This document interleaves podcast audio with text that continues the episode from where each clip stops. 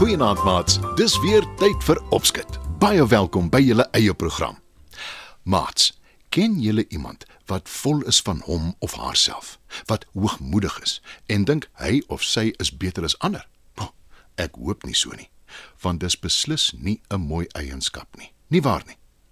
En dis waaroor ons storie vanaand gaan. Lekker luister. Eenmaal, lank gelede, was daar 'n meisie. Sy was baie mooi. Mense het hulle verkyk aan haar skoonheid. Maar ongelukkig het sy ook 'n baie nare eienskap gehad. Sy was hooghartig. Juis omdat sy so mooi was, het sy haar verbeel sy is beter as ander en sy het neergesien op hulle. Maar mense het haar nie kwaadlik geneem omdat sy haar verbeel het sy is belangriker as hulle nie. Want sy's nie 'n gewone meisie nie. Sy is 'n prinses. Sy bly saam met haar pa en ma, die koning en koningin, in 'n pragtige groot paleis. Sy is baie gelukkig in die paleis, want sy het alles wat haar hart begeer. Maar toe, op 'n dag, verander haar hele lewe. 'n Besoeker daag op in die koninkryk en versoek om die koning en koningin te spreek. Toe beide instem om met die besoeker te praat, is die prinses baie kwaad. Ag nee. Julle kan dit nie doen nie. Julle ken nie eers die man nie. En hy is vuil en verslons. Hy wil misbruik maak van julle. sê sy vies. Die koning en koningin is geskok, Ek verstaan nie hoekom sy so optree nie. sê die koning. En die koningin stem hartseer saam. Ek ook nie. Dis nie hoe ons haar groot gemaak het nie. Maar dan besef die koningin dat hulle albei verkeerd is en dat hulle wel verantwoordelik is vir hulle dogter se optrede. En die koningin sê vir die koning: Sy sien neer op mense. En ons moes haar geleer het dit is verkeerd. Ons het haar gelos en gehoop dit sal oorwaai, maar dit het nie. Dis nou die tyd om iets daaromtrent te doen. Die koning stem 100% saam met sy vrou, die koningin. Hy beveel sy dogter om haar pragtige klere uit te trek en haar kroon af te haal. Daarna kry sy diensmeisieklere om aan te trek. En sy word aangesê om die stoof in die kombuis skoon te skrob. Nee, ek sal nie. Ek is 'n prinses, nie 'n diensmeisie nie. skree die prinses woedend. Maar die koning en koningin steur hulle nie daaraan nie. Die prinses wil almal slaan en skop wat haar mooi klere en kroon by haar afgeneem het op bevel van die koning. Maar dit help alles niks nie. Want op die ou einde het sy 'n gewone vaalrok, 'n voorskoot en 'n paar plat lelike skoene aan. En sy skrob die stoof. Die hele tyd terwyl sy dit doen, verwen sy die verslonsde man. Dis alles sy skuld. Dis oor hom wat my ouers my skielik so aaklig behandel. Maar ek sal hom terugkry hiervoor. Dit kan hy maar weet. Intussen vertel die jong man vir die koning en koningin sy storie. Ek is eintlik 'n prins en ek is afkomstig van 'n koninkryk baie ver hier vandaan. Ek het daan maande lank gereis om hier te kom.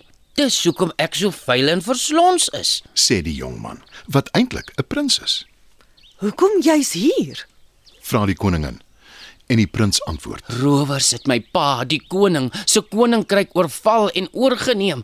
Daarna het hulle my pa in die tronk gegooi. My pa se laaste woorde aan my was om sy vriend op te soek en u daarvan te vertel, want u is die vriend, u hoogheid.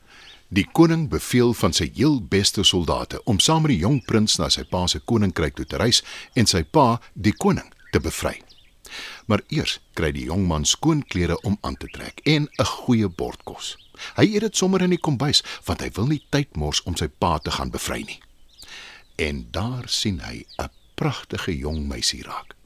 Haar klere is oud en lelik en sy is besig om die stoof te skrob, maar hy kan nie sy oë van haar afhou nie. Hy besef dadelik dat hy verlief is. En die prinses voel dieselfde. Maar hulle praat nie met mekaar nie, want die prins met sy pa se koninkryk gaan red en hy vertrek.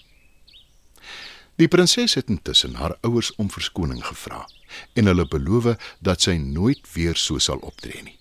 Sy kry haar mooi klere en haar kroon terug. Maar haar ouers kom agter sy is nie haar ou self nie. Sy's vriendelik met almal in die koninkryk, maar sy doen nie veel meer as om hulle te groet nie. Daarna sit sy ure lank in tuur deur die venster en droom van die jong man wat sy vlugtig in die kombuis gesien het. Sy weet net nie wie hy is nie. En toe, op 'n dag, sien sy 'n klomp mans te perd by die poorte van die koninkryk ingery kom. Sy herken haar pa se soldate, maar sy herken ook 'n baie spesifieke jong man en sy kan haar oë nie glo nie. Sy kan haarself ook nie verhelp nie. Sy draf vinnig na die paleis se hek toe waar die manne nou vergader. Die jong man sien haar. Hy is verbaas oor haar nuwe uitrusting en kroon. En sy is verbaas omdat hy nou ook 'n koninklike mondering dra. Hy tel haar op sy perd en ry tot voor die paleis. Het ek u toestemming om met die dogter te trou? Vra die prins vir die koning en koningin. En die prinses pleit. Asseblief pappa en mamma, sê ja. Die koning en koningin glimlag. Sê hulle en kyk dankbaar na mekaar. Hulle dogter is nie meer hooghartig en gemeen nie. Sy het haar les geleer. As